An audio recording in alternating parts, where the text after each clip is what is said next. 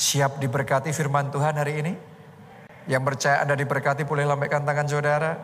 Kita kasih tepuk tangan sekali lagi yang paling meriah buat Tuhan kita. Hari ini kita akan sampai di bagian terakhir dari seri khotbah The God of Miracles. Allah pembuat mujizat. Dan dalam bagian terakhir ini kita akan melanjutkan firman Tuhan minggu lalu. Minggu lalu kita belajar tentang mengikuti instruksi Tuhan. Ya dan hari ini yang akan kita pelajari adalah mengatasi halangan dalam mengikuti instruksi Tuhan.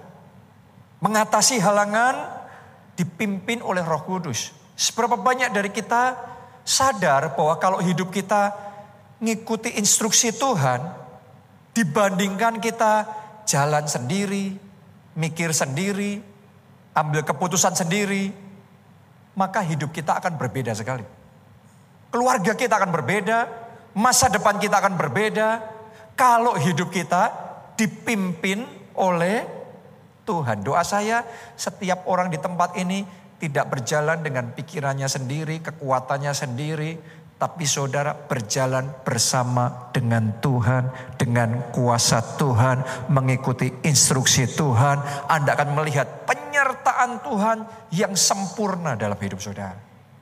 Tahukah saudara bahwa kalau kita ini ngikuti instruksi Tuhan, satu instruksi Tuhan, bisa memperbesar destiny hidup kita. Memperbesar masa depan hidup kita. Satu saja Anda dapat petunjuk dari Tuhan, Anda kerjain. Apa yang harusnya baru bisa terjadi 10 tahun lagi. Tuhan bisa kerjakan hanya dalam waktu satu bulan.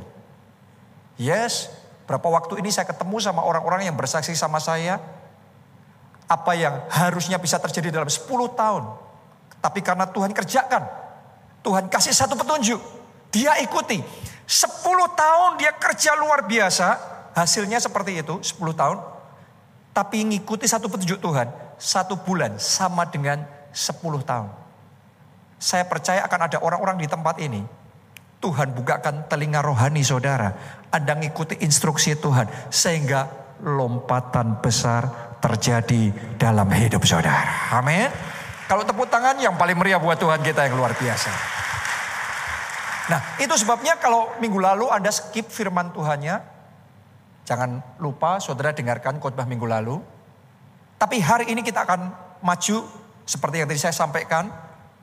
Kita akan belajar tentang bagaimana mengatasi halangan di dalam mengikuti instruksi Tuhan. Mengatasi halangan hidup dipimpin oleh Roh Kudus. Ada beberapa halangan yang sering kali orang itu alami sehingga kita itu nggak bisa ngikuti instruksi Tuhan.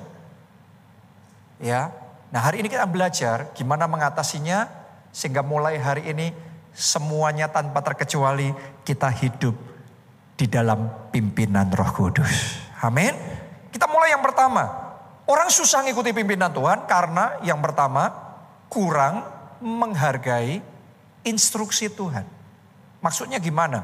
Kita baca Yeremia 6 ayat 16 sampai ayat yang ke-17. Beginilah firman Tuhan, ambillah tempatmu di jalan-jalan dan lihatlah. Tanyakanlah jalan-jalan yang dahulu kala, di manakah jalan yang baik, tempuhlah itu. Firman Tuhan ngomong apa? Tempuhlah itu. Dengan demikian jiwamu mendapat ketenangan.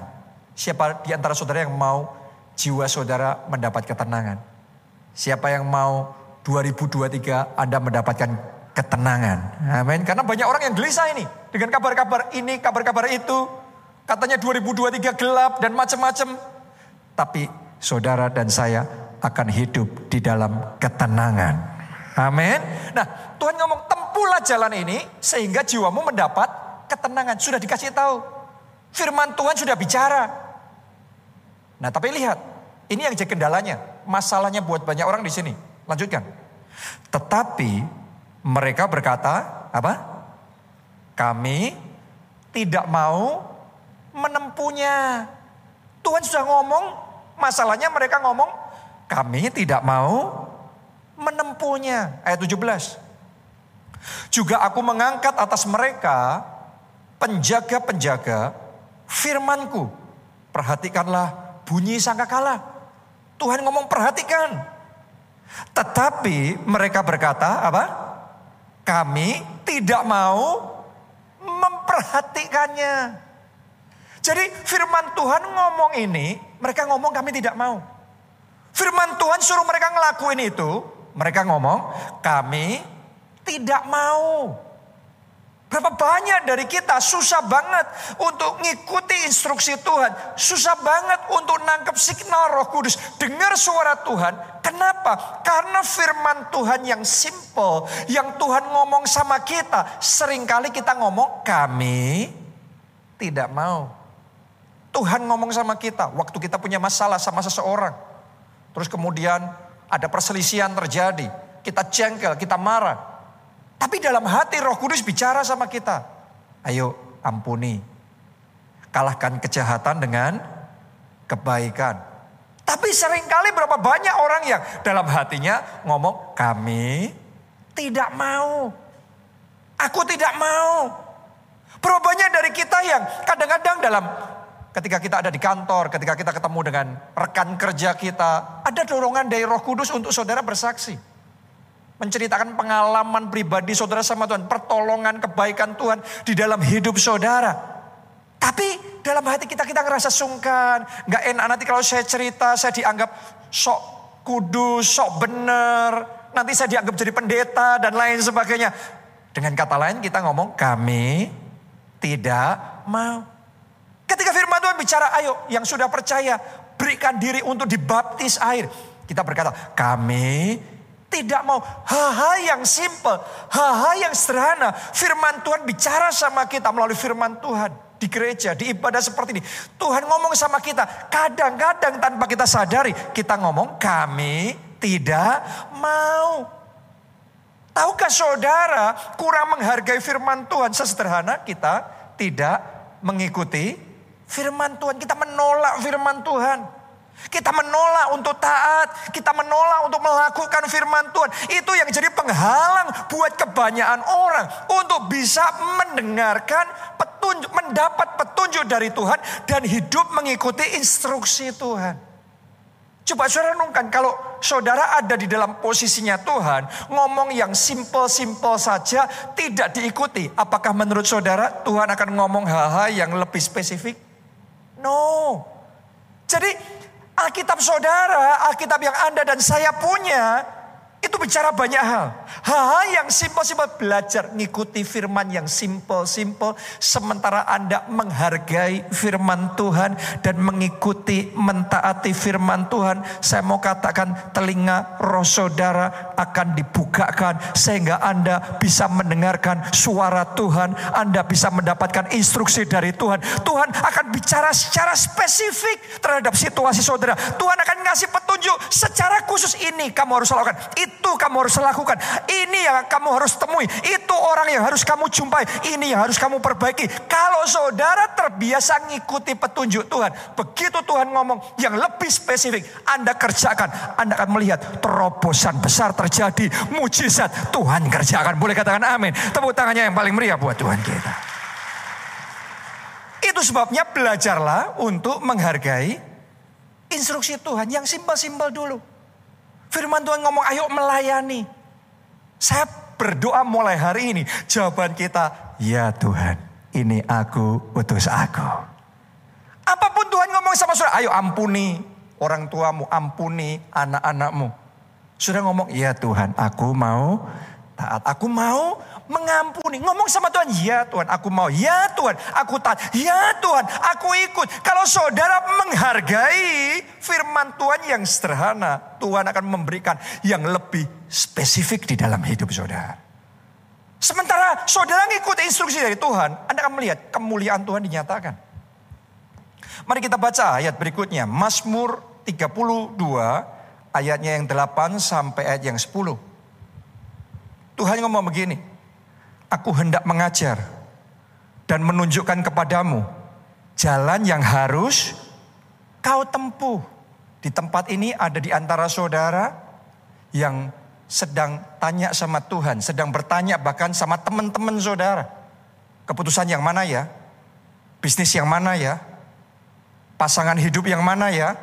Keputusan yang mana yang harus diambil? Anda harus ngerti, Tuhan yang saudara sembah adalah Tuhan yang mau mengajar dan menunjukkan kepadamu jalan yang harus kau tempuh. Tahukah saudara mulai hari ini Anda nggak harus mikir sendiri, ngambil keputusan sendiri, melangkah sendiri. Anda bisa diskusi sama Tuhan. Anda bisa minta petunjuk sama Tuhan. Anda bisa minta Tuhan kasih petunjuk yang mana, keputusan yang mana. Orang yang mana yang harus saya berpartner bersama dengan dia. Pekerjaan yang mana yang harus saya jalin. Persiapan seperti apa. Investasi yang mana yang saya harus masuk. Tahukah saudara, Tuhan bisa ngasih tahu saudara. Tuhan bisa bicara dalam hidup saudara. Seperti itu Tuhan yang kita sembah. Buat apa saudara beribadah di tempat ini? Kalau sudah beribadah sama Tuhan yang mati, yang tidak bisa bicara sama saudara. Tapi kenapa banyak orang Kristen gak ngalami hidup yang di, yang dipimpin Tuhan. Gak dengar suara Tuhan. Gak dapat instruksi. Jadinya hidup sendiri. Makanya hari ini kita mulai belajar. Menghargai Tuhan. Dan untuk setiap firman Tuhan yang sederhana. Mari kita katakan, ya Tuhan aku mau taat. Amin. Lanjutkan dulu pembacaan kita. Tuhan ngomong begini, aku hendak memberi nasihat, mataku tertuju kepadamu. Jadi mata Tuhan tertuju kepada saudara. Amin. Baru amin satu orang yang amin. Mata Tuhan tertuju kepada setiap orang di tempat ini. Boleh katakan amin. Tepuk tangannya yang paling meriah buat Tuhan. Nah ini petunjuknya. Anda mau ngikuti instruksi Tuhan? Saudara mau hidup dipimpin oleh roh kudus? Lihat, ini petunjuknya. Tuhan ngomong begini, ayat yang ke-9. Janganlah seperti kuda atau bagal yang tidak berakal. Dua-duanya sama aja. Kuda maupun bagal tidak berakal. Yang kegarangannya harus dikendalikan dengan tali les dan kekang. Kalau tidak, ia tidak akan mendekati engkau. Eh 20, banyak kesakitan diderita orang fasik. Tetapi orang percaya kepada Tuhan dikelilinginya dengan kasih setia. Mulai hari ini dalam hidupmu engkau akan menikmati kasih setia, anugerahnya, penyertaannya, pemeliharaannya sempurna di dalam kehidupan saudara. Amin petunjuk Tuhan gini, kalau kamu mau hidup kayak gitu, jangan seperti kuda atau seperti bagal. Kalau kuda sering kali kecepatan. Makanya butuh dikekang. Kalau bagal sering kali terlalu lambat. Makanya butuh untuk dipecut. Supaya bisa jalan dengan cepat.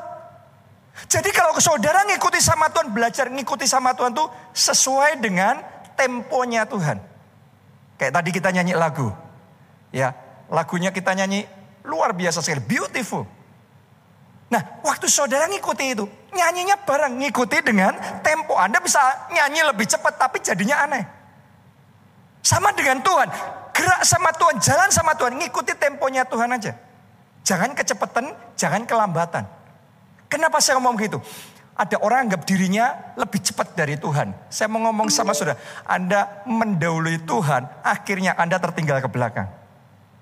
Dan juga jangan lambat-lambat. Kalau Tuhan sudah ngomong sesuatu, jangan lambat-lambat. Segera taat, segera ikuti. Saya mau ngomong sama saudara, kalau Anda ikuti temponya Tuhan, seolah-olah awalnya kayaknya lambat, tapi akhirnya akan terjadi percepatan rohani dan lompatan besar yang Tuhan akan kerjakan di dalam kehidupan saudara. Amin. Jadi belajar ngikuti instruksi Tuhan. Maksudnya gimana? Saya cerita aja sama saudara. Setelah saya selesai sekolah Alkitab di Amerika, saya pulang ke Indonesia. Saya pulang ke Solo karena itu kota kelahiran saya.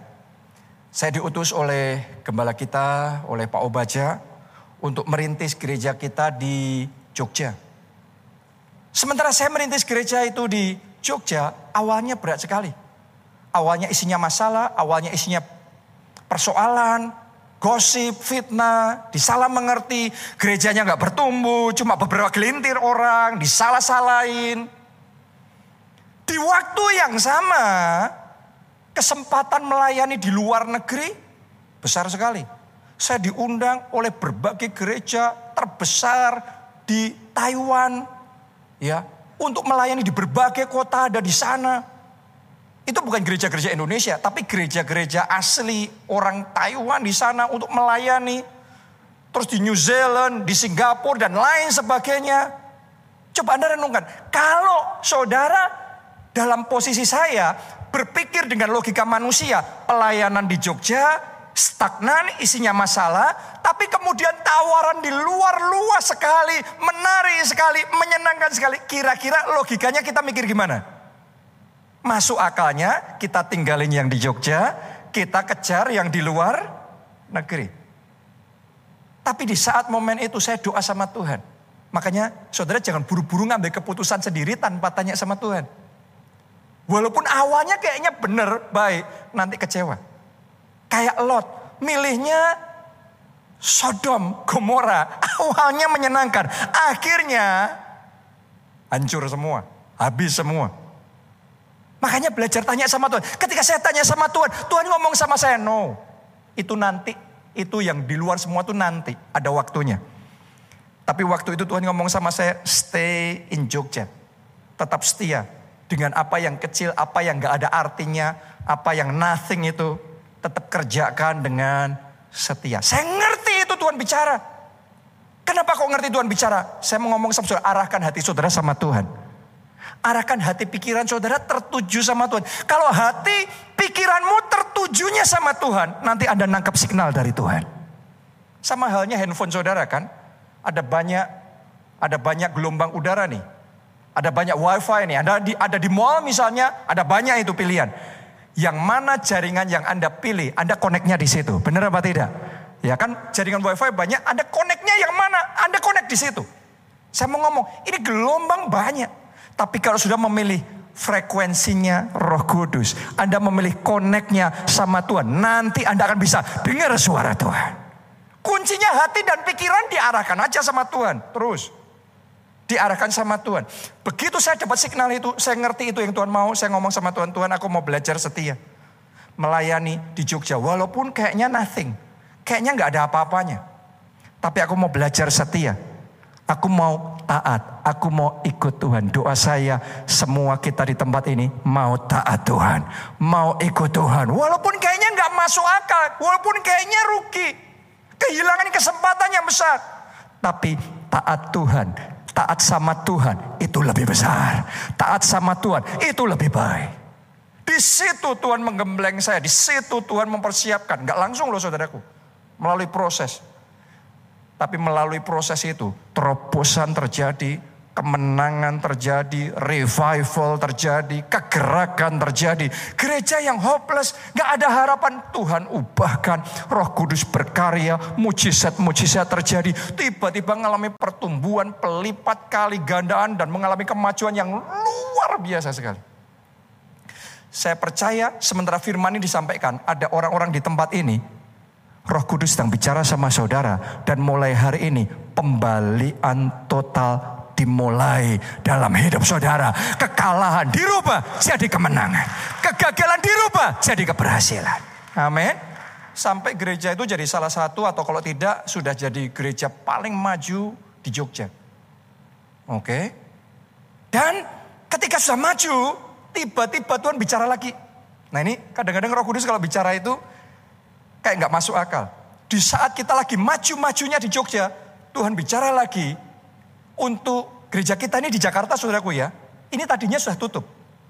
Sudah harus gereja kita tuh pernah jalan 10 tahun di Jakarta, nggak jalan terus kemudian berhenti dan tutup. Di waktu itu, Pak Obaja ngomong sama saya, sekarang kamu ke Jakarta.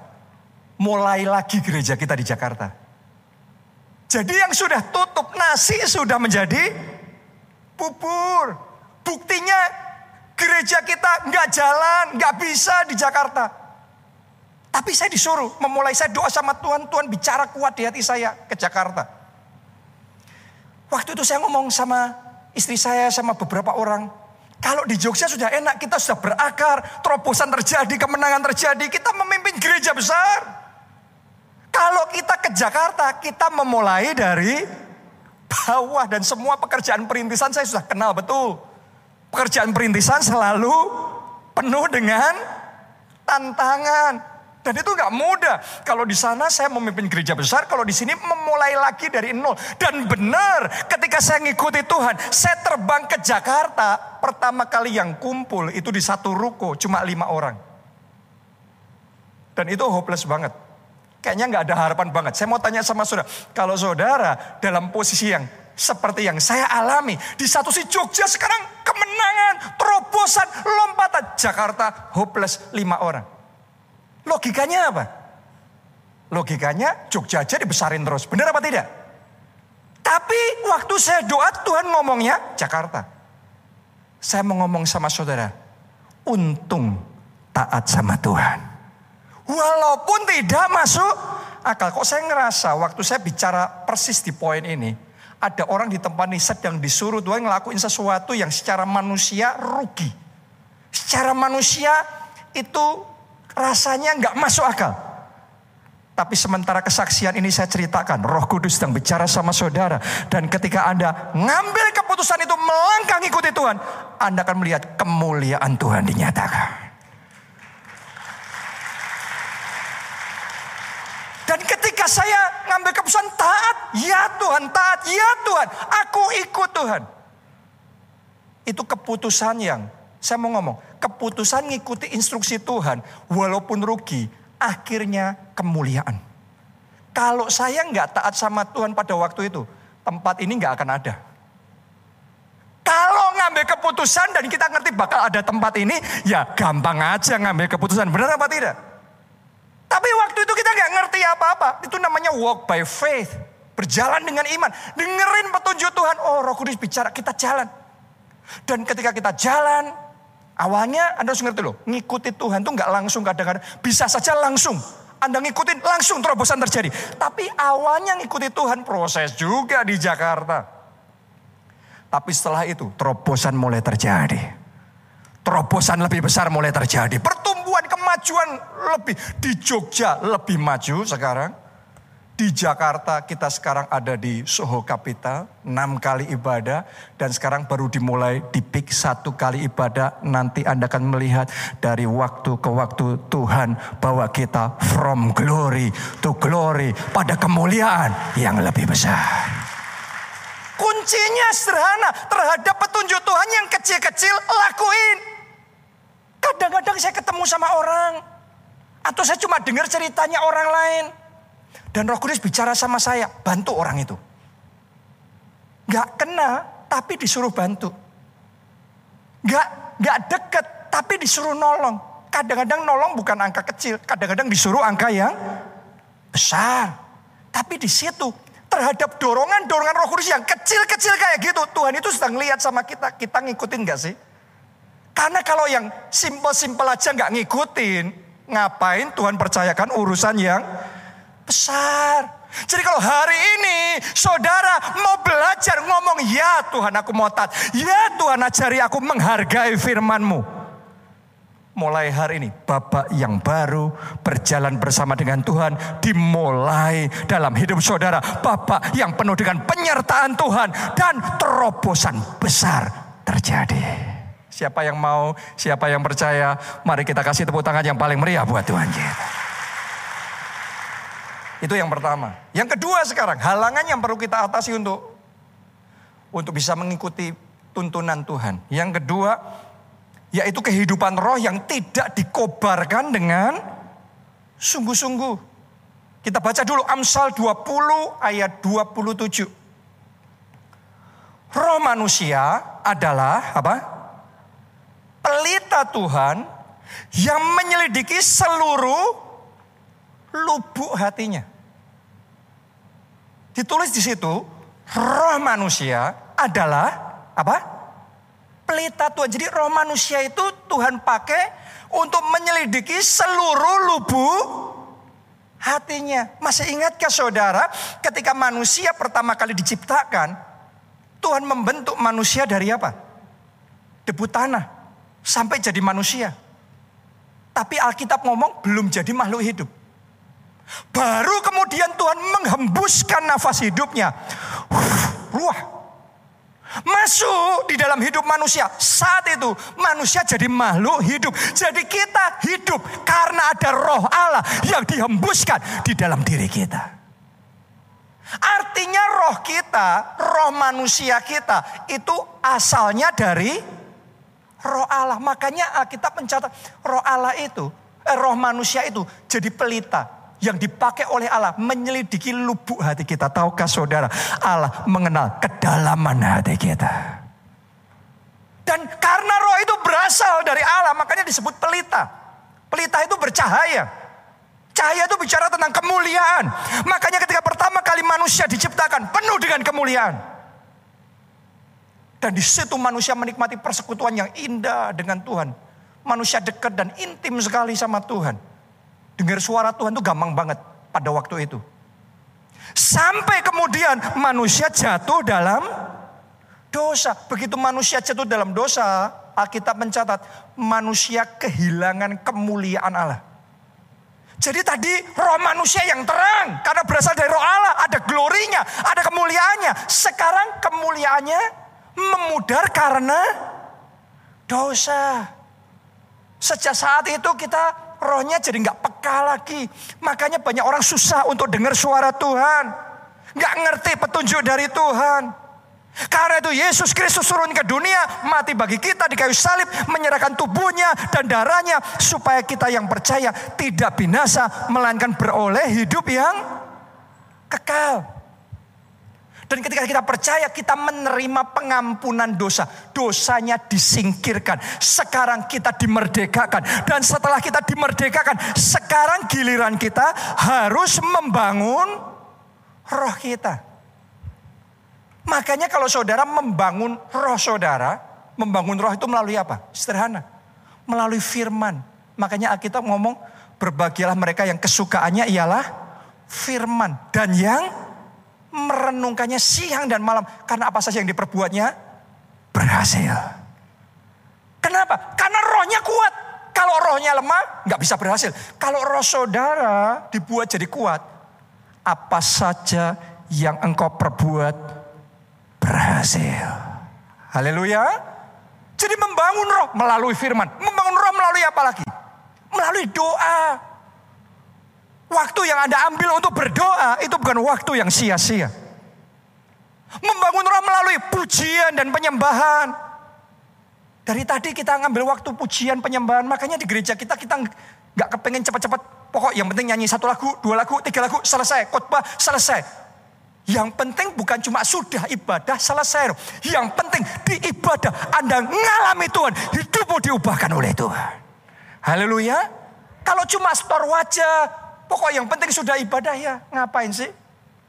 Itu kayak cuma pertemuan kewajiban saja. No, saya berdoa Anda ibadahnya bukan sekedar kewajiban, bukan sekedar rutinitas, tetapi ibadah yang saudara alami adalah perjumpaan pribadi bersama dengan Tuhan. Haleluya. Makanya butuh waktu, pujian, penyembahan. Saya ajak saudara lagi, bahasa roh. Saat sudah bahasa roh, kita ngomong. Ketika kita berkata-kata dalam bahasa roh, kita membangun diri kita sendiri. Alkitab yang ngomong. Makanya saya kalau diranjang, saya sambil tiduran, saya dengerin khotbah, saya sambil dengerin khotbah, saya sambil bahasa roh, saya sambil doa. Karena itu sedang membangun roh, membangun spirit. Ada bedanya enggak? Mem roh yang dibangun dan roh yang tidak dibangun. Jelas beda. Saudara yang di sini sukanya fitness, sukanya ke gym, Orang tubuhnya kalau dibangun, dilatih, sama tidak dipakai, nggak cuma rebahan aja, sama apa beda? Beda staminanya, speednya beda, kesegarannya beda. Otak kita juga sama, otak kita kalau nggak diasah, sama kalau diasah, pasti kreativitasnya beda. Ketajamannya beda. Demikian pula roh kita.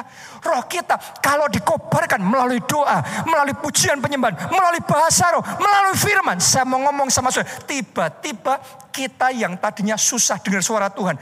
Karena sekarang roh kita dibangun jadi kuat. Roh kita jadi peka. Akibatnya gampang dengar suara Tuhan.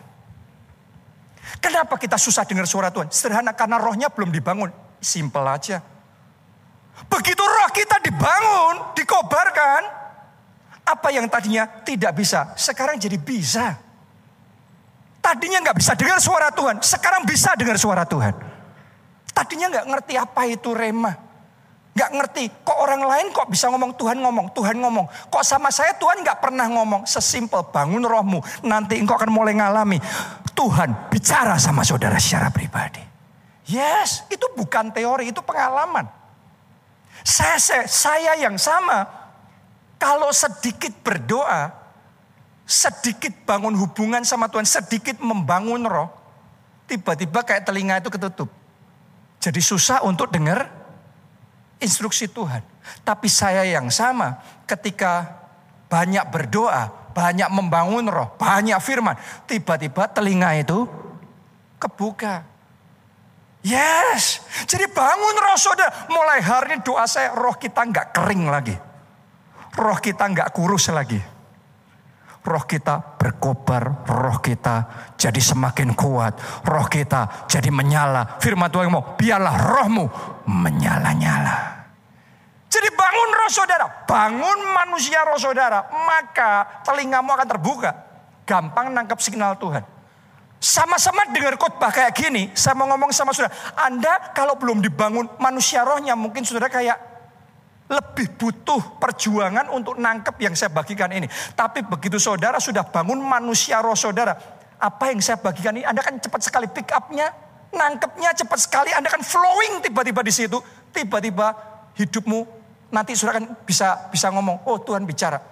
Bukan cuma ngeklaim Tuhan bicara, tapi memang benar-benar Tuhan bicara dan ketika engkau ikuti, maka penyertaan Tuhan nyata dalam hidup saudara. Mulai hari ini, babak baru berjalan bersama dengan Tuhan dimulai dalam hidup. Boleh katakan amin. Kita kasih tepuk tangan yang paling meriah buat Tuhan kita. Yang ketiga, halangan yang harus kita atasi dalam mengikuti instruksi Tuhan Halangannya apa? Terlalu sibuk dan padat jadwal kita. Mari kita baca Mazmur 46 ayat yang 11. Ini kunci belajar mendengar suara Tuhan ya. Siapa mau dengar suara Tuhan? Ya, ini firman Tuhan ngomong. Diamlah dan ketahuilah bahwa akulah Allah Aku ditinggikan di antara bangsa-bangsa, ditinggikan di bumi. Alkitab ngomong, diamlah dan ketahuilah bahwa akulah Allah. Kalau cuma ngetahui bahwa dia Allah, ngapain harus diam? Coba saudara renungkan ini ayat. Kan kita semua tahu, kita sibuk aja tahu dia yang di sana adalah Allah. Tapi kalau saudara mau ngalami Allah nyata di dalam hidupmu. Bukan Allah cuma teori, Allah nun jauh di sana, Allah sebuah konsep saja. Tapi Allah pribadi yang hidup, pribadi yang nyata, pribadi yang kau alami di dalam kehidupanmu. Alkitab ngomong, diamlah dan ketahuilah, akulah Allah. Artinya perlu dari diri kita menenangkan diri kita, menenangkan hati, menenangkan pikiran kita sering kali yang membuat kita susah dengar suara Tuhan apalagi di zaman kita sekarang ini. Ya kemarin saya saya dengerin ya, konsentrasi, kemampuan konsentrasi manusia semakin modern apalagi di zaman sosial media. Kemampuan fokusnya semakin pendek. Karena kita terbiasa di sosial media cuma scroll saja, shh, cuma ngelihat covernya aja. Benar apa tidak? Jadi untuk dengerin apalagi dengerin khotbah panjang seperti ini, ya susah untuk konsep. Makanya Tuhan ngomong, diamlah dan ketahuilah, akulah Allah belajar frekuensinya yang kecepatan tadi diturunin dulu. Oke, hati yang rasing, rasing, rasing, tergesa-gesa, tergesa-gesa. Tenangin dulu. Anda nggak buang-buang waktu loh. Satu aja petunjuk dari Tuhan bisa membuat 10 tahun, 20 tahun, 30 tahun. Itu terjadi sekejap begitu saja. Yes. Belajar sama Tuhan tuh diamlah dan ketahuilah. Belajar menenangkan diri saudara. Mari kita lihat. Belajar ya dari Tuhan Yesus waktu jadi manusia gimana dia mengasah ketajaman pendengaran rohnya. Markus 1 ayat 35. Lihat caranya Tuhan Yesus mengasah telinga rohaninya. Anda mau peka dengar suara Tuhan? Belajar. Caranya gimana? Lihat ini. Tuhan Yesus ditulis begini. Ini rahasianya. Pagi-pagi benar Waktu hari masih gelap. Ia bangun dan pergi keluar. Ia pergi ke tempat yang sunyi dan apa? Berdoa di sana. Ini caranya Tuhan Yesus. Tuhan Yesus bukan berdoa karena kewajiban. Tuhan Yesus nggak berdoa cepat-cepat berdoa pokoknya sudah berdoa selesai terus langsung sibuk. Apalagi dia hidup bersama dengan murid-muridnya, 12 muridnya selalu menyertai dia.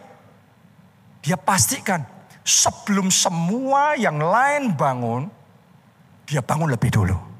Pagi-pagi benar. Dia bangun untuk apa? Cari tempat yang sunyi dan berdoa di sana. Telinga rohnya dipertajam. Kalau itu sesuatu yang tidak berguna, bangun pagi dan berdoa, Ngapain Tuhan Yesus lakuin? Anda lihat aja impact yang dihasilkan dalam pelayanan Yesus. Siapa manusia yang sudah 2000 tahun impactnya masih sebesar ini. Gak main-main pribadi ini. Impactnya besar sekali. Ternyata satu rahasia dalam hidupnya adalah dia punya waktu menenangkan diri supaya kusuk berdoa. Saya berdoa mulai hari ini engkau kusuk berdoa. Engkau kusuk di dalam persekutuanmu dengan Allah. Engkau kusuk di dalam membaca dan merenungkan firman Tuhan. Enggak cepat-cepat, enggak tergesa-gesa, enggak yang penting sudah-sudah, yang penting selesai. No, no, no, no, no. Di dalam kekusukan, di dalam ketenangan itu, Anda ditenggelamkan makin. Saudara, sama yang lainnya, Anda disconnect. Tapi sama Tuhan, saudara semakin connect. Connectnya makin dalam, makin dalam Sampai di titik tertentu, telinga rohmu itu dipertajam, dibuka. Engkau bisa menangkap signal roh kudus. Engkau bisa dengar Tuhan ngomong apa. Ini pasangan hidup yang ini jangan. Yang ini loh. Bukan ke kota ini. Tapi ke kota itu kamu ekspansinya. Tuhan bisa bicara kayak gitu. Tuhan bisa ngasih tahu kita secara detail. Tetapi bukan di dalam kesibukan kita. Di dalam ketenangan kita. Diamlah dan diketahuilah. Akulah Allah. Mari kita lihat Daniel ya sekarang. Daniel gimana caranya dia mengasah ketajamannya. Daniel 9 ayat 2 sampai 3. Pada tahun pertama kerajaan itu, aku Daniel, perhatikan saudaraku. Lihat ke depan sini dulu. Saya kasih background dulu. Anda harus tahu Daniel ini dianggap orang paling berhikmat yang pernah hidup. Bahkan dia ini orang yang bisa bertahan saat raja-rajanya diganti, harusnya bawahnya kan diganti. Tapi rajanya diganti, kalau enggak tiga empat raja diganti, tapi dia masih jadi pembesar terus. Dan Daniel ini selalu bisa ngasih tahu apa yang akan terjadi. Apa yang akan terjadi. Ini orang luar biasa cerdasnya, dia ngerti apa berikutnya yang akan terjadi. Dia bisa prepare. Sekarang ini orang ngertinya apa yang akan terjadi dari surat kabar. Tahun ini susah, tahun depan gelap Surat kabar boleh ngomong begitu. Tapi saya berdoa Anda dengar langsung dari Tuhan. Kalau Anda dengar dari Tuhan, mau tahun depan gelap, Anda penuh kemuliaan. Amin. Kenapa Anda berjalan sama Tuhan? Allah itu terang. Kalau Allah itu terang, mau dunia gelap, terang datang, gelap berubah jadi terang. Ruangan ini gelap, begitu lampunya dihidupin jadi terang. Jadi ngapain kita khawatir Tahun depan gelap, tahun depan gelap. Gak perlu khawatir. Yang Anda perlu Tuhan ada dalam hidup saudara. Petunjuknya ada dalam hidup saudara. Karena firmannya pelita bagi kakiku. Terang bagi jalanku. Maka jalan yang gelap, tahun yang gelap akan dirubah jadi terang. Haleluya. Jadi belajar. Daniel ini ngerti apa yang akan terjadi. Dia bisa prepare. Dia bisa persiapkan dirinya sampai akhirnya dalam hidupnya glory itu, kemuliaan. Nah kita lihat rahasianya. Pada tahun pertama kerajaannya itu, aku Daniel, lihat nih caranya dia. Memperhatikan kumpulan kitab. Renungkan itu, memperhatikan kumpulan kitab. Dia nggak sekilas membaca. Dia nggak scrolling. Dia tidak scrolling. Bicara kumpulan kitab, Alkitab saudara itu kumpulan kitab. Perjanjian lama apa? Kejadian, keluaran, imamat, bilangan dan seterusnya. Perjanjian baru, Matius, Markus, Lukas, Yohanes sampai Wahyu itu kumpulan kitab. Dia nggak sekedar membaca. Tapi dia memperhatikan. Dia merenungkan. Dia punya waktu tuh di situ. Dia renungkan tuh. Dia hayati, dia diam, dia dia perhatiin kumpulan kitab. Jumlah tahun yang menurut firman Tuhan kepada Nabi Yeremia akan berlaku atas timbunan puing Yerusalem. Yakni 70 tahun. Dipelajari itu. Direnungkan. Anda punya waktu enggak? Mempelajari firman. Atau selama ini cuma membaca firman. Scrolling firman. Cuma scanning. Cepat-cepat sudah selesai satu pasal. No, Anda melewatkan banyak hal yang penting. Caranya enggak gitu. Anda mempertajam pendengaran rohmu. Anda mau nangkap petunjuk dari Tuhan, mesti memperhatikan firman. Memperhatikan kumpulan kitab. Alkitab saudara itu. Ayat yang ketiga, lalu aku mengarahkan mukaku kepada Tuhan Allah untuk berdoa dan bermohon sambil berpuasa dan mengenakan kain kabung serta abu. Jadi dia mengarahkan wajahnya, mengarahkan hatinya, pikirannya banyak dari kita keseringan mengarahkan mata kita kepada handphone kita. Ya, saya kemarin kalau nggak salah ingat, kemarin saya uh, apa itu namanya melihat satu video yang ngomong orang zaman sekarang ngecek email per 6 menit. Bahkan ada yang per 3 menit. Ya maksudnya bukan cuma email ya, email, terus WhatsApp, sosial media. Jadi hanya per berapa menit ngecek, per berapa menit ngecek. Itu yang namanya mengarahkan diri. Seandainya engkau mengarahkan hati dan pikiranmu seperti itu, tetapi kepada Tuhan, maka telinga rohmu akan dibukakan. Anda akan bisa menangkap signal dari roh kudus, dapat instruksi dari Tuhan. Caranya gitu, tapi bukan sama handphonemu, sama Tuhan. Sama Tuhan. Nanti Anda akan dibawa, oh ternyata hidup kekristenan itu bukan isinya kalau minggu ke gereja, dua jam ibadah, selesai pulang. Bukan gitu. Hidup kekristenan itu perjalanan yang menyenangkan, perjalanan yang sangat indah, perjalanan yang penuh dengan surprise-surprise yang luar biasa. Kita bersama dengan Tuhan. Ternyata Alkitab itu bukan buku obat tidur. Banyak orang nggak bisa tidur, baca Alkitab terus tidur. Ya bisa jadi sih, Alkitab bisa jadi obat tidur juga sih. Buat saudara yang susah tidur. Tapi lebih dari itu, Alkitab adalah buku kehidupan. Semua yang dicatat dalam Alkitab bisa jadi pengalaman secara pribadi. Kita alami dan jadi kesaksian kita. Boleh katakan amin. Kita kasih tepuk tangan yang paling meriah buat Tuhan kita. Yang keempat.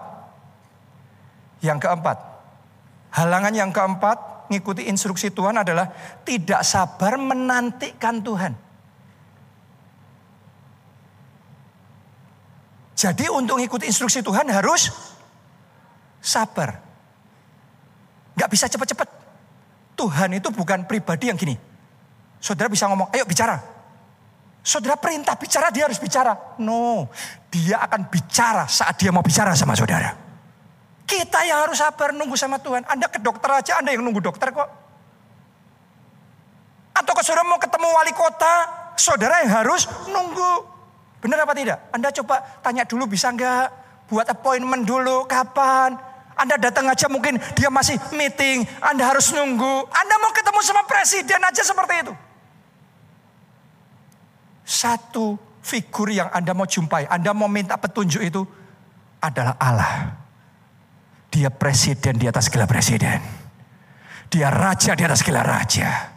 Siapa kita yang berapa banyak orang Kristen ngomong, saya nggak punya waktu untuk berdoa. Itu ibaratnya presiden mau ketemu sama saudara, Anda jawab saya nggak punya waktu buat presiden.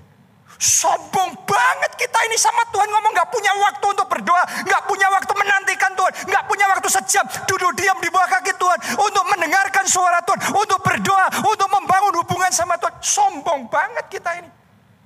Seringkali kita gak bisa ngalami Tuhan itu nyata hidup di dalam kehidupan kita karena kita terlalu tinggi hati tanpa sadar. Mulai hari ini, jemaat keluarga Allah, rendahkanlah dirimu di bawah tangan Tuhan yang kuat. Maka ia yang akan meninggikan engkau pada waktunya. Oh tepuk tangan buat Allah kita yang besar. Dia raja di atas segala raja, Tuhan di atas segala Tuhan. Allah di atas segala Allah. Amin. Jadi kalau saudara nunggu Tuhan, saya belajar seorang hamba Tuhan yang hebat sekali.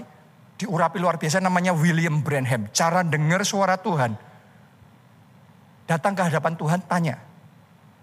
Belum dijawab tunggu satu jam. Belum dijawab tunggu tiga jam. Belum dijawab tunggu sehari. Belum dijawab tunggu seminggu. Belum dijawab tunggu sebulan.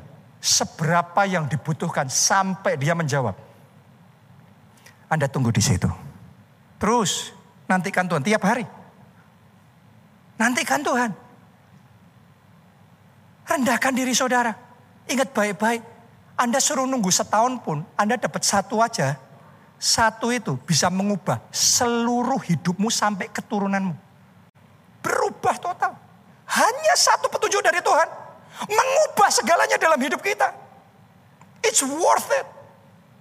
Itu sangat layak Anda spend time di bawah kaki Tuhan untuk mendapatkan instruksi, petunjuk dari Tuhan. Belajar sabar, menantikan Tuhan. Makanya khotbah ini tidak lama, Anda diajarin sabar juga ini. Mungkin Anda punya janjian dan lain sebagainya, tapi belajar sabar. Coba Anda lihat di Alkitab. Musa itu dia diurapi, dia dikasih Tuhan. Tuhan mau bawa dia masuk ke tanah perjanjian. Memimpin bangsa Israel masuk ke tanah perjanjian. Tapi sayangnya suatu hari dia kehilangan kesabarannya.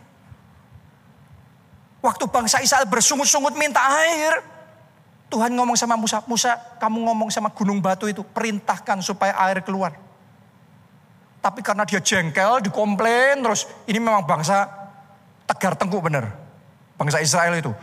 Lama-lama kan orang jengkel, sampai diubun-ubun. Bukannya dia ngomong sama gunung batu supaya air keluar, dia pakai tongkatnya, dia pukul gunung batu. Jengkel dia pukul itu. Keluar beneran airnya. Tapi Tuhan ngomong, kamu kayak gitu, that's it. Kamu gak bisa masuk tanah perjanjian. Gara-gara kehilangan kesabarannya, Musa tidak bisa masuk tanah perjanjian. Coba saya renungkan itu. Ada satu kisah lagi. Pelajaran penting tentang kesabaran. Cepat belum tentu menang. Anda cepat investasi. Cepat naiknya. Anda cerita ke mana-mana untungnya. Sekarang untung, belum tentu besok tidak buntung. Kayaknya cepat melejitnya, wah cepat cuannya. Belum tentu yang cuan sekarang, besok tetap cuan. Tapi kalau Anda jalan sama Tuhan, Tuhan jadi jaminan yang pasti di dalam hidup saudara. Melalui masa seperti apa pun, Tuhan akan menyertai saudara. Amin. Jadi belajar sabar. Saul itu disuruh sama Nabi Samuel, kamu tunggu ya sebelum perang kita akan mempersembahkan korban dulu, tapi nanti aku yang akan mempersembahkan korban, bukan kamu ya. Karena aku yang nabi, kamu raja, kamu sabar, kamu tunggu. Saul nunggu, Samuel nggak datang-datang. Dia jadi gelisah. Terus bangsa Israel mulai meninggalkan dia. Dia jadi gelisah. Waduh ini gimana ini? Momentumnya hilang ini. Secara manusia momentum hilang. Tapi kalau Tuhan tetap membackup saudara, momentum baru akan datang lagi. Kalau Anda hanya takut perhitungan, wah momentum, kehilangan momentum investasi, kehilangan nanti momen gini begitu dan lain sebagainya. Wah ini kalau pembeli nggak dikejar segera, wah kita melewatkan, waduh. Hidupmu nggak tergantung itu, hidupmu tergantung sama Tuhan. Belajar sabar ngikuti Tuhan. Saul nggak sabar, dia akhirnya ngambil keputusan mempersembahkan korban sendiri. Sudah nggak usah nunggu Samuel, dia nggak sabar, hajar langsung. Selesai dia lakuin itu, Samuel datang, lihat, that's it. Mulai sekarang kamu selesai. Kerajaan ini Tuhan alihkan sama orang lain. Gara-gara tidak sabar. Saudara sama Tuhan dalam hubungan secara pribadi. Belajar sabar. Dan saudara akan melihat kesabaranmu membuahkan buah yang manis. Buah yang manis. Saya tadi cerita sama saudara, ketika saya di Jogja, ya sudah, di luar kesempatannya banyak. Tapi di Jogja walaupun kayak gini, waktu itu ya, saya ya sudah sabar ngikuti Tuhan. Tapi setelah sekian waktu, buahnya jadi manis. Di Jakarta juga sama, disuruh sama Tuhan di Jakarta memulai lagi dari bawah. Tapi ngikuti Tuhan. Yang lainnya, wah teman-teman pendeta hamba Tuhan yang lain, wah melejit dulu. Yang sekarang melejit, belum tentu nanti tetap naik di atas. Anda nggak perlu iri dengan waktunya orang lain. Semua orang punya timingnya sendiri-sendiri. Anda hanya perlu ngikuti Tuhan. Nggak perlu iri hati sama orang lain. Anda akan punya kairos dari Tuhan sendiri. Belajar sabar. Yang terakhir, yang kelima. Halangan yang kelima dalam mengikuti tuntunan Tuhan ada terlalu terpaku pada kebiasaan masa lalu. Anda harus ngerti ketika Tuhan menuntun kita, tuntunan Tuhan dari waktu ke waktu itu progresif. Lihat ya, bangsa Israel waktu mau menguasai tanah perjanjian, caranya Tuhan memimpin mereka gini. Waktu lawan Yeriko, diajarin untuk ngelawan Yeriko, kamu puterin tujuh hari. Setiap hari, satu kali puterin. Doa keliling. Di hari yang ketujuh, puterin tujuh kali. Setelah kamu puterin tujuh kali, bersorak-sorai. Dan ketika mereka lakukan itu, Wah, kuasa Allah bekerja tembok besar yang adidaya, yang powerful itu roboh. Kemenangan terjadi. Wah, mereka bersorak-sorai. Itu cara Tuhan untuk Yeriko. Tapi cara Tuhan untuk peperangan berikutnya nggak sama.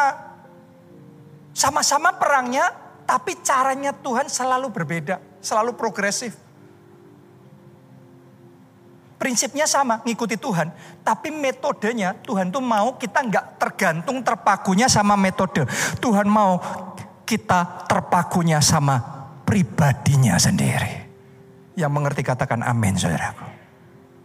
Tuhan ajarin untuk ngelawan Ai, kamu bagi dua pasukan. Yang pasukan depan pura-pura kalah. Ketika nyerang pura-pura kalah. Sehingga musuh ngejar. Wah kalah kejar pasukan yang kedua dari belakang sergap. Setelah sergap, di sana pasukan musuh lihat ke belakang ternyata kotanya sudah habis.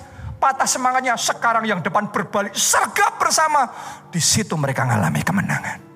Loh, Tuhan itu bukan Tuhan yang sembarangan. Tuhan itu Tuhan yang mengajari kita. Makanya orang Kristen kadang-kadang nggak ngerti. Yang penting hati, yang penting percaya tiba-tiba terjadi sendiri. Yes, yang penting, yang terpenting hati yang percaya. Tapi juga penting memperhatikan petunjuknya Tuhan. Karena Tuhan bisa mengajari saudara. Untuk proyek ini, kamu ketemu sama orang itu. Ini yang kamu lakukan, itu yang kamu lakuin. Untuk bisa nembus yang di sini, kamu fightnya berjuangnya ke sini. Ini harus kamu lakukan, ini harus kamu rubah. Kalau saudara ngerti gimana ngikuti tuntunan Tuhan kayak gitu. Ah, kita mau gini, kalau Allah di pihak kita, siapa lawan kita? Kalau Allah bersama kita 2023, everything will be alright. Semuanya akan baik. Mungkin benar dunia gonjang ganjing, tapi no problem. Dunia gonjang ganjing, Anda diberkati Tuhan. Anda disertai Tuhan. Satu hal yang pasti, jalan sama Tuhan. Jadi khotbah dua minggu ini, minggu lalu dan minggu ini, Anda mesti dengarkan ulang. Dengarkan lagi. Kenapa? Karena ini modal bekal penting dalam hidupmu. Jalan sama Tuhan. Jalan mengikuti pimpinan Tuhan. Anda akan melihat kemuliaan Tuhan. Siapa mau mengikuti tuntunan Tuhan? Mari bangkit berdiri. Berhembuslah Angkat dua tanganmu. Angkat dua tanganmu. Katakan.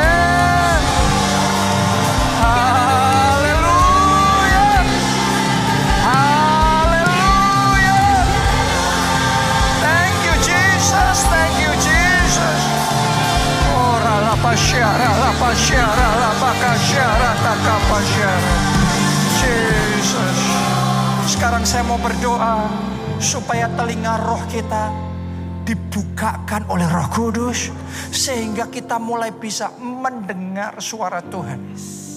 Saudara yang tadinya selalu punya pertanyaan gimana sih caranya? Gimana caranya? Saya mau berdoa supaya anugerah, supaya grace untuk mendengar suara Tuhan diberikan dalam hidup saudara sehingga mulai hari ini Anda bisa mendapatkan instruksi dari Tuhan. Bahkan instruksi yang spesifik terhadap keluargamu, terhadap kesehatanmu, terhadap pekerjaanmu. Anda bisa dapat instruksi, Anda bisa kerjain itu dan engkau alami Tuhan secara pribadi dalam hidupmu. Anda yang mau itu, mari arahkan dua tangan saudara di telinga saudara, di telinga saudara. Sekarang saudara doa sama Tuhan, ya Roh Kudus. Lebih kuat lagi katakan, ya Roh Kudus, urapi telingaku, telinga rohku untuk mendengar suaramu. Berikan urapan untuk mendengar. Sehingga mulai sekarang aku bisa mendengar suaramu. Aku mau taat ya Tuhan. Sekarang semuanya berdoa bahasa roh, bahasa roh. Yang belum bisa sudah berdoa bahasa Indonesia. Minta Tuhan membukakan telinga roh itu. Supaya mulai hari ini hidupmu berubah. Babak baru dimulai. Jalan bersama Tuhan. Bukan jalan dengan pikiran sendiri. Tapi ngikuti suara Tuhan. Berpikir bersama Tuhan. Diskusi bersama Tuhan. Ambil keputusan bersama Tuhan. Melangkah bersama Tuhan. Urapi Tuhan. Telinga ini urapi Tuhan. Urapi. Aku mau dengar suaramu. Urapi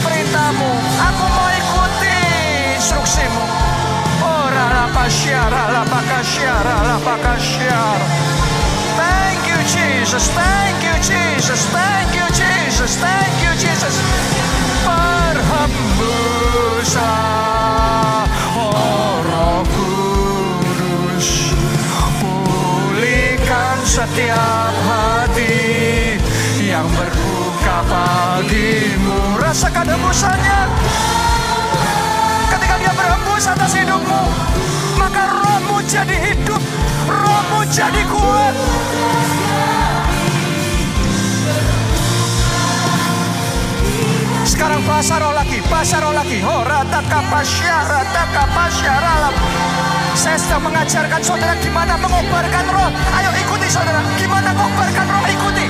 Ikuti. Warm up your spirit. Jangan dibiarkan suam. Jangan dibiarkan padam, dingin. Biarlah rohmu panas. Firman Tuhan, biarlah rohmu menyala.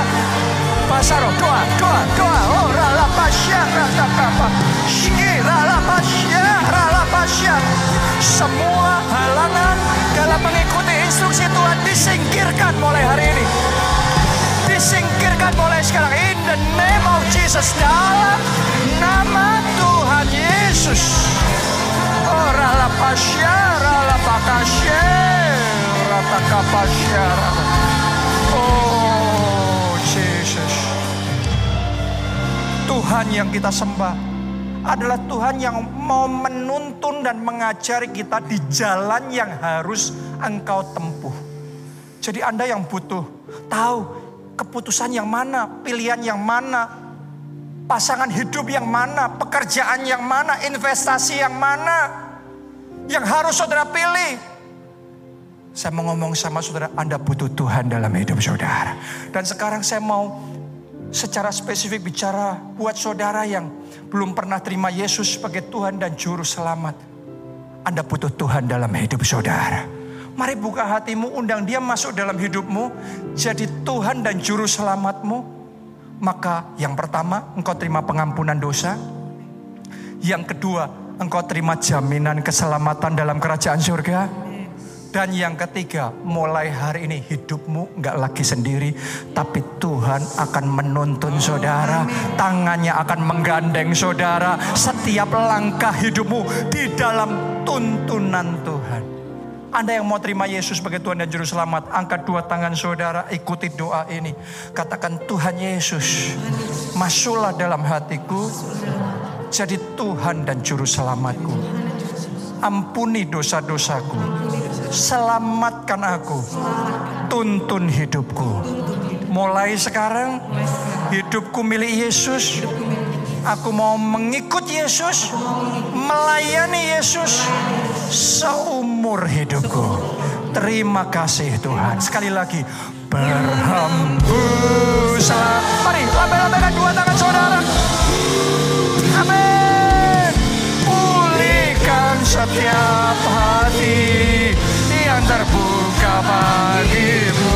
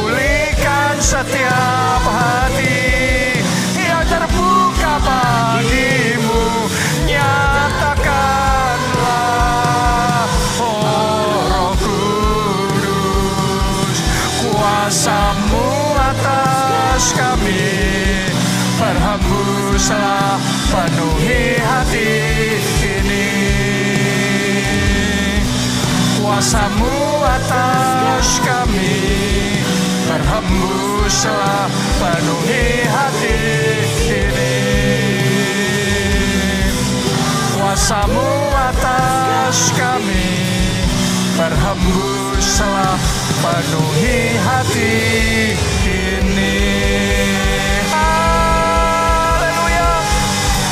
Terima kasih Tuhan. Mari angkat dua tangan saudara dan terima berkat Tuhan ini. Diberkati saudara oleh Tuhan, diberkati keluargamu oleh Tuhan, diberkati studi dan pekerjaan saudara oleh Tuhan, diberkati kesehatan dan masa depan saudara oleh Tuhan, dan diberkatilah pertumbuhan rohani serta pelayanan saudara oleh Tuhan. Dalam anugerah Allah Bapa, cinta kasih Yesus Kristus, dan persekutuan dengan Roh Kudus sekarang sampai selama-lamanya. Mari bersama-sama kita katakan amin.